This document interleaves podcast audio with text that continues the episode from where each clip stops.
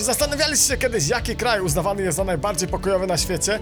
Jak duże jest islandzkie wojsko? I czy Islandczycy kiedykolwiek prowadzili wojnę? W dzisiejszym, siódmym odcinku Choć pokażę Ci Islandię, opowiem Wam o wojnach dorszowych. Jedynej islandzkiej wojny. Chodźcie, pokażę Wam Islandię. Islandia spośród wszystkich krajów na świecie ma najbardziej pokojowe nastawienie. I nie jest to tylko moja opinia, czy opinia Instytutu Danych z Czapy. Co roku publikowany jest Global Peace Index, czyli raport dotyczący stanu pokoju na świecie w poszczególnych państwach. Przygotowuje go australijski Institute of Economics and Peace. Indeks ten mierzy stan pokoju na świecie według trzech kryteriów: poziomu bezpieczeństwa, ochrony społeczeństwa, zasięgu konfliktu krajowego lub międzynarodowego oraz stopnia militaryzacji. W tym 2020 roku Islandia wygrała. Po raz 13 z rzędu. Od samego początku plebiscytu Islandia każdego roku, rok w rok, kończy na pierwszym miejscu. Jeżeli to nie potwierdza moich słów, to raczej nic was już nie przekona. Na ten niesamowity wynik składa się kilka czynników, takich jak e, ogólne bezpieczeństwo na Islandii. Na Islandii brutalna przestępczość praktycznie nie występuje. Statystycznie zdarza się jedno morderstwo na rok w całym kraju. Śmiejemy się, że jeżeli nie zdarzyło się żadne morderstwo w tym roku, to musimy kogoś rytualnie poświęcić. Oczywiście zdarza się, że ktoś komuś ukradnie rower albo nawalone da po ryju w barze, ale come on. Takie obrazki to tutaj raczej rzadkość. Policja nie nosi broni i jest bardzo pozytywnie nastawiona do obywateli. Do tego stopnia, że gdy ostatnio przeprowadzałem się i zaparkowałem dużego vana na samym środku jednej z głównych ulic w Reykjaviku, przejeżdżający patrol policji powiedział, że spoko, rozumieją, że się przeprowadzam, gratulują, ale czy mogę się troszeczkę pośpieszyć? Jeden typ niedawno opowiedział mi śmieszną historię. Jechał na lotnisko w Keflawiku i zabrakło mu paliwa. Podjechał patrol policji i zapytał, czy coś mu się stało. Ten zgodnie z prawdą odpowiedział, że nie ma paliwa. Kazali mu zaczekać i po kilkunastu minutach pojawili się z powrotem, taszcząc kanister z, z benzyną. Po zatankowaniu typ pyta się, ile się zależy za tą przysługę. Na co panowie policjanci odpowiedzieli, stary, weź wyluzuj, to z firmowej karty, nie musisz nam nic płacić. No albo gdy kilka dni temu nieopatrznie przekroczyłem prędkość w Isafjordur, panowie policjanci tylko mignęli mi światłami. Co akurat nie należy do reguły, ponieważ o ile prewencja jest mega spoko, to akurat na drogówkę trzeba tutaj uważać, gdyż dopuszczalna prędkość to na całej Islandii 90 km na godzinę, a mandaty są kosmicznie drogie. W okolicach 800 euro za przekroczenie o 20 km na godzinę. Więc y, nie jest tanio. A gdy masz więcej niż dwa mandaty, możesz mieć bardzo duży problem z otrzymaniem y, islandzkiego obywatelstwa. Wiem, znam to z doświadczenia mojego dobrego kumpla, więc, więc y, nie opłaca się zbytnio przekraczać dozwolonej prędkości na Islandii. Policja, czy jak Islandczycy mówią Logreglan, ma tutaj świetną opinię i raczej nikt nie krzyczy JP. No chyba, że nawaleni Polacy na Breitholcie, ale nie liczymy ich. Jest jednak jeden moment w najnowszej historii Islandii, gdy policja musiała bronić polityków i bankierów i użyła gazu przeciwko swoim obywatelom. Podczas protestów w 2008 roku. Lekko stracili w oczach społeczeństwa, jednak właśnie wtedy Logreglan postanowili pokazać swoje ludzkie oblicze i bardzo mocno działać na social mediach. Instagramowy profil islandzkiej policji prowadzony jest ogromnym dystansem i uważany jest za najśpieszniejszy profil policji na świecie. Zdjęcia policjantów zjeżdżających ze zjeżdżalni na placu zabaw, karmiących kaczki w parku czy uczestniczących w marszu LGBT są tutaj normą. W ostatnim odcinku wspominałem o zdjęciu dwóch funkcjonariuszy w strojach sadomaso wzorowanych na członków zespołu Hatari, który reprezentował Islandię na Eurowizji w Izraelu. To zdjęcie również ukazało się na instagramowym profilu islandzkiej policji. Bardzo dobrą robotę zrobił też mega popularny serial kryminalny po łapce, opowiadający o policjantach rozwiązujących zagadkę tajemniczego morderstwa w e, malutkiej miejscowości na północnych fiordach. Mimo, że zwykli funkcjonariusze nie noszą broni, Islandia posiada elitarną jednostkę policji zadań, zadań specjalnych, czyli wikingów. Jednostka ta wzorowana jest na amerykańskim SWAT i ściśle współpracuje z norweskimi jednostkami specjalnymi, kolesie do zadań specjalnych. Grupa ta spełnia wiele funkcji, które w większości krajów zarezerwowane są dla wojska. Głównie dlatego, że Islandia, mimo że jest jednym z członków założycieli Paktu Północnoatlantyckiego, nie posiada armii. Dobrze słyszeliście, Islandia nie ma i nigdy nie miała wojska. I mimo tego, że należy, ba, mało tego, założyła wraz z innymi krajami NATO, nie posiada armii, chociaż wysyła kontyngenty pokojowe w ramach e, sił pokojowych ONZ-u, ale to bardziej e, jednostki policyjne. Jest z tym związana pewna historia. Kilka lat temu ukazało się zdjęcie po wybuchu bomby w Kabulu. Kilku islandzkich policjantów zostało rannych i na tym zdjęciu było ich widać z bronią w ręku, co kłóciło się bardzo e, z pacyfistycznym nastawieniem Islandczyków i wywołało dość duże protesty. Never mind. I tak status bycia krajem założycielskim NATO, tak pokojowo usposobionego kraju jak Islandia, może dziwić, ale miało to bardzo silne podstawy. Islandia jest niesamowicie ważnym strategicznie punktem na mapie świata. Leżąc w połowie drogi między Europą i Ameryką, stanowi idealne miejsce na rozmieszczenie baz wojskowych. Wiedzieli już o tym alianci podczas II wojny światowej. Amerykanie i Brytyjczycy panicznie bali się, że Islandia wpadnie w ręce nazistów. Mogliby stamtąd atakować nie tylko Wielką Brytanię, ale również Stany Zjednoczone, a szczególnie blisko takiego scenariusza było, gdy Dania, rządząca wtedy Islandią, dostała się w łapy Hitlera. Alianci woleli chuchać na zimne i wysłali wojska na wyspę. Potomkom wikingów bardzo się to nie spodobało. Uważali, że to okupacja. Jednak alianci udobruchali ich budując lotnisko w Keplawiku i pomagając budować drogę numer jeden dookoła Islandii. Po zakończeniu wojny Amerykanie wiedzieli, że nie mogą stracić tak strategicznie ważnego punktu, bo nowa, tym razem zimna wojna właśnie się rozpoczyna. I tak w 1949 roku Islandia stała się jednym z członków założycieli NATO bez konsultacji społecznych, co bardzo nie spodobało się Islandczykom. Przez kraj przetoczyła się fala protestów. 30 marca 1949 roku wściekły tłum przemaszerował na Ostrwodlur, mały plac przy islandzkim parlamencie i zaczął obrzucać budynek Alfingi kamieniami, jajkami i w sumie wszystkim, co mieli pod ręką.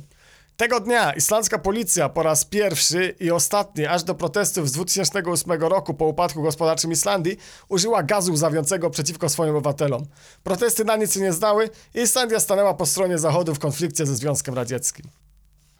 Po tym wszystkim w 1951 roku Amerykanie przenieśli swoje wojska do bazy, która została wybudowana jeszcze podczas II wojny światowej w Keplawiku i stała się ona bardzo ważną strategicznie bazą lotniczą Armii, e, Armii Stanów Zjednoczonych. Z bazą w Keplawiku wiąże się jedna bardzo wstydliwa karta islandzkiej historii. Jak już mówiłem, Islandczycy dbają o prawa mniejszości i wspierają wszystkie antyrasistowskie ruchy na całym świecie. Jednak nie zawsze tak było. Od 1951 do 1959 roku amerykańska armia miała zakaz wysyłania czarnych żołnierzy na Islandię na wyraźną prośbę strony islandzkiej. W 1959 roku zaczęto się wycofywać z tego rozkazu i w 1961 roku Islandczycy wydali dość lakoniczne i w sumie dalej rasistowskie moim zdaniem oświadczenie, że oni to w sumie nie będą mieli nic przeciwko dwóm czy trzem kolorowym żołnierzom, ale mają nadzieję, że zostaną oni bardzo uważnie wyselekcjonowani. W latach 70. zniesiono całkowicie te absurdalne zakazy. No, taka wstydliwa karta w islandzkiej historii. Wracając do bazy, stała się ona bardzo ważnym punktem na mapie NATO i bardzo mocną kartą przetargową w konflikcie pomiędzy dwoma państwami założycielami. Po tym bardzo długim wstępie zapraszam Was na opowieść o jedynej wojnie w historii Islandii, o wojnach dorszowych. Żeby dobrze zrozumieć tę historię, musimy się cofnąć aż do XIV wieku, kiedy to Brytyjczycy, dotychczas łowiący głównie u wybrzeży Bry Wysp Brytyjskich, zaczęli się coraz śmielej zapuszczać w okolice Islandii. Archeolodzy badający ości ryb w Londynie odkryli, że w XV i XVI wieku 90% ryb na targach w Londynie pochodziło z północnego Atlantyku, a tylko 10 z rodzimych wód. Angole zapuszczają się coraz śmielej na, wo na wody terytorialne Islandii, chociaż mówienie o wodach terytorialnych w XV wieku to bardzo duże uproszczenie. Pierwsze międzynarodowe regulacje w tej sprawie to wymysł XX wieku. Umownie w tamtym czasie wody terytorialne obejmowały 12 mil morskich od brzegu. Tak dla przypomnienia, mila morska to 1,8 km. I powód takiego stanu rzeczy był bardzo trywialny. Po prostu taki był zasięg armat ustawionych na brzegu. Podpłynięcie bliżej mogło się po prostu skończyć kilkoma ogromnymi dziurami w poszyciu statku i wymuszoną przesiadką do szalub ratunkowych. Albo co bardziej prawdopodobne, skończeniem jako pokarm dla rybek. Synowie Albionu swoimi swoimi wypadami na północny Atlantyk poważnie wkurzali Norwegów, którzy mieli monopol na islandzkie ryby. Spór i małe konflikty mu towarzyszące ciągnęły się od 1415 do 1425 roku i zakończyły się aresztowaniem ludzi króla Eryka Pomorskiego na Islandii. Angole ponoć zadomowili się tam na jakiś czas. Po tej akcji Dania i Anglia w 1432 roku podpisały umowę handlową dotyczącą e, połowu ryb. Historia ta uważana jest za bardzo wczesny początek właśnie wojen dorszowych. Przez bardzo długi czas względny spokój panował na morzach, przerywany jedynie drobnymi konfliktami co jakiś czas. Jednak dopiero wynalezienie silników parowych poważnie zaogniło sytuację. Pozwoliły one brytyjskim statkom na zapuszczanie się dużo śmielej w okolice islandzkich wód. W 1893 roku Duńczycy ustanowili granice swoich wód terytorialnych na 50 mil morskich od brzegów Islandii oraz y, Wysp Owczych. 50 mil morskich, tak dla przypomnienia, to około 93 km. Brytyjczycy, będąc w tym czasie największym imperium na świecie, wykorzystali swoją pozycję i kompletnie zignorowali te nowe zasady.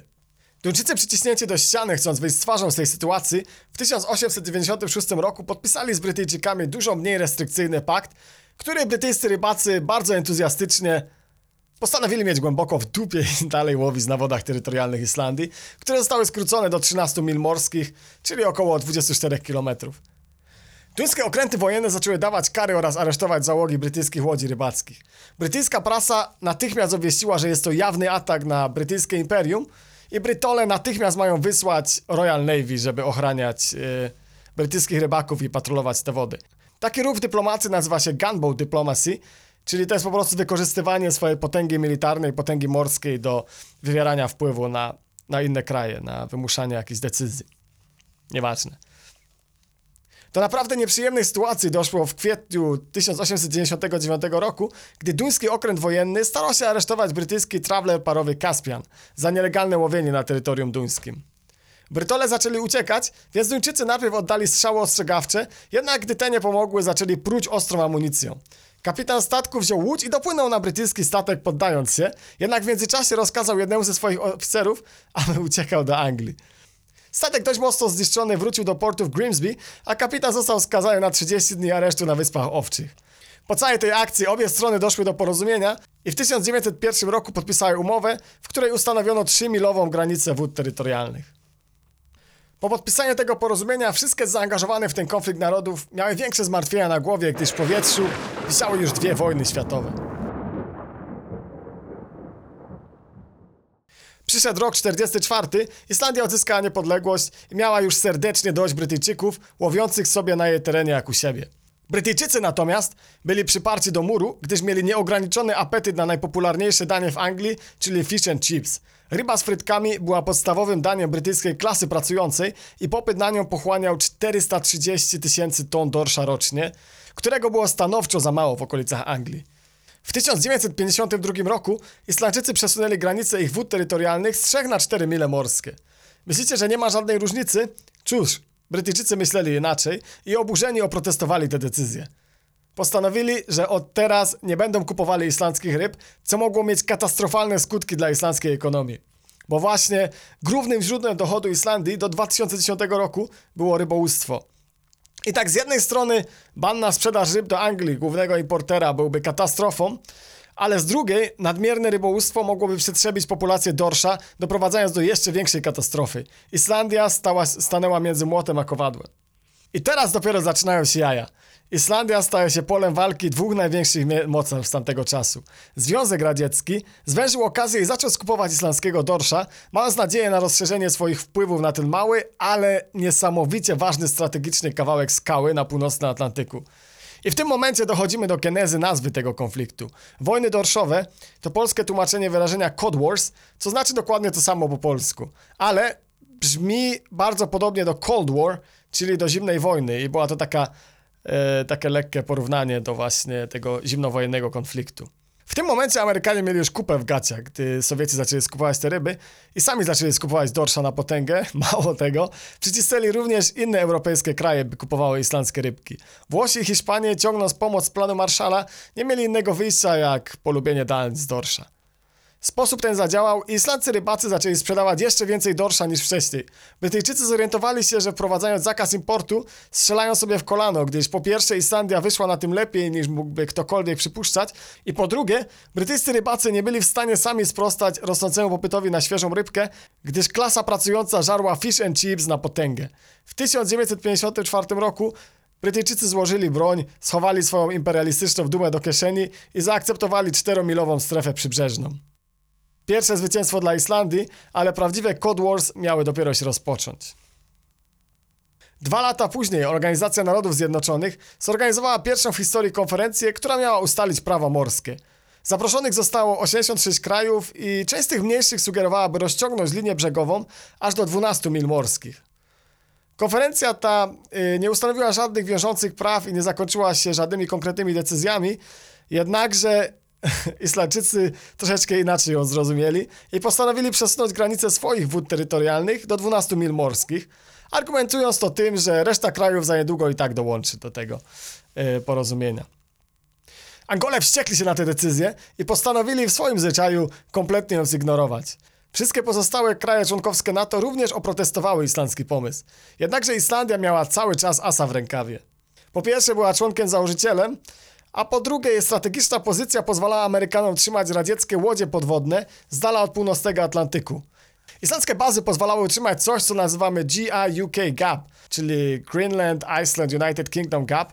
Taka po prostu przestrzeń, która blokowała sowieckim łodziom dostęp do otwartego e, Atlantyku, blokowała im w sumie dostęp do granic Stanów Zjednoczonych, czyli była niesamowicie strategicznie ważnym punktem i Islandczycy doskonale o tym wiedzieli.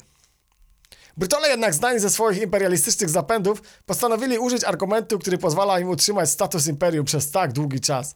Wysłali statki Royal Navy, które miały pilnować brytyjskich statków rybackich.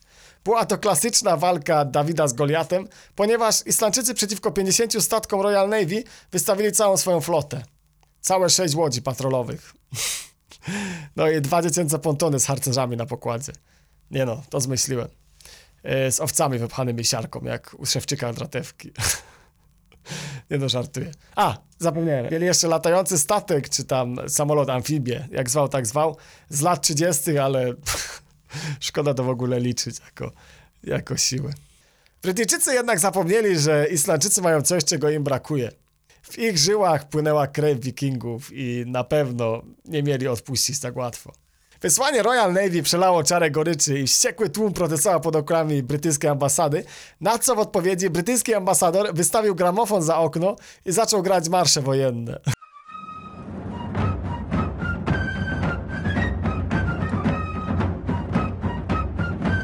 To jest prawdziwa historia, nie zmyśliłem jej. Tak więc yy, brytyjski, brytyjski ambasador zachował protokół dyplomatyczny pełną gębą. Tym razem podczas II wojny dorszowej nie obyło się również bez otwartej konfrontacji na morzu.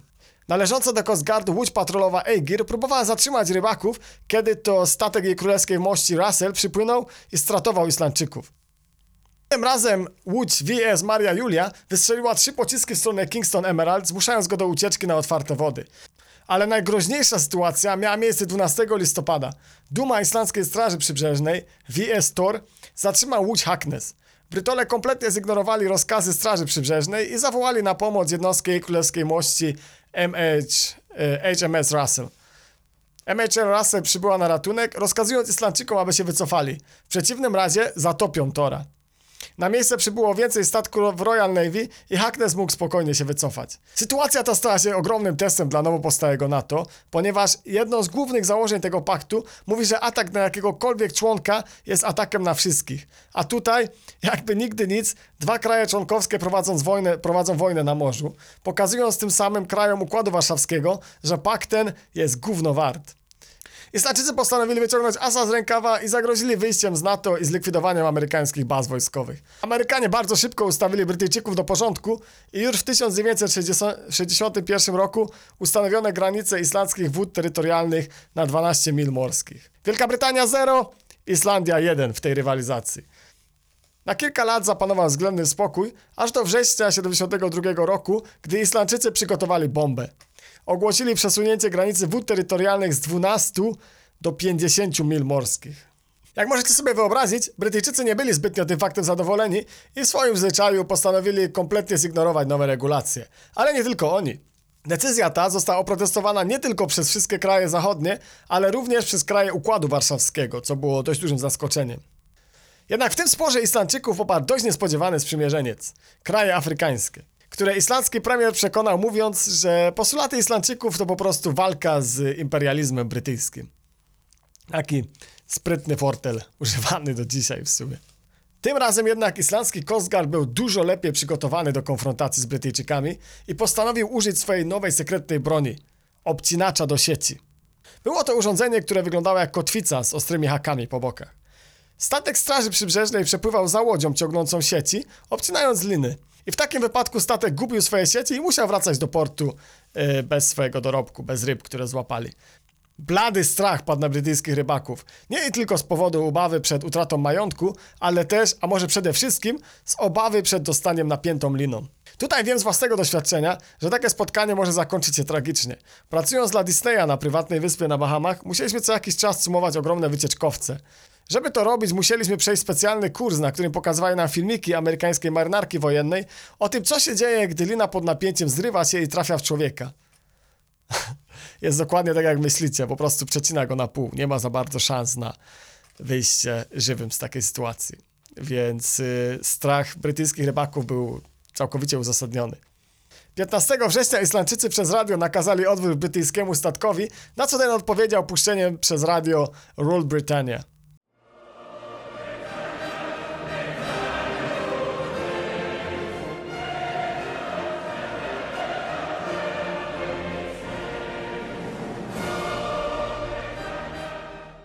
Kostgar nie był zbytnio zadowolony tym żartem i przeciął liny z sieci.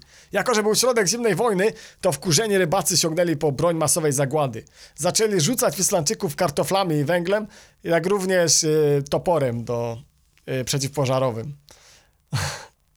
Jakoś nie zrobili wielkiej krzywdy Islandczyków, po czym wzięli radio i zaczęli przeklinać przez to radio w stronę islandzkiej marynarki, e, Straży Przybrzeżnej, sorry.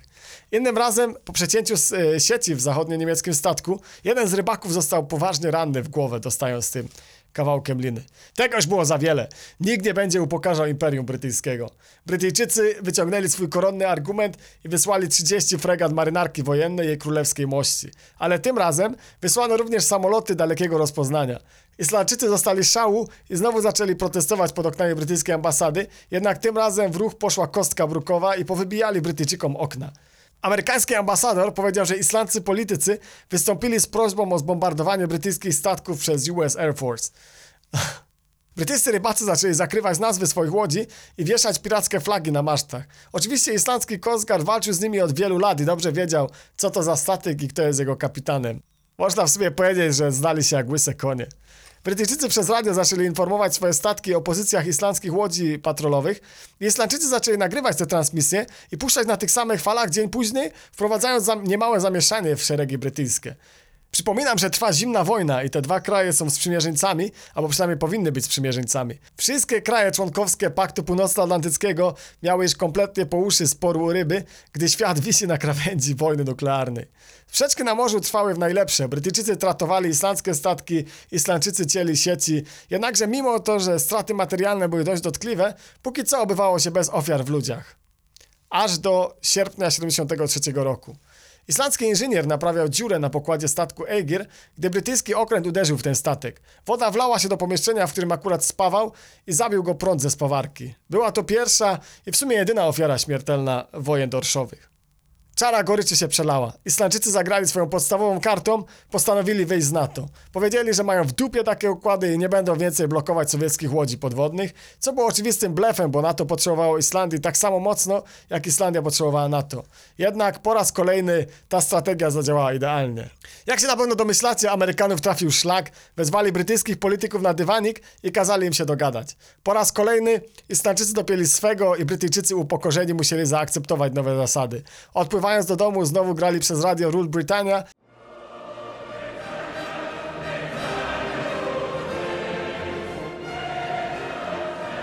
ale tym razem na przemian z Party is over.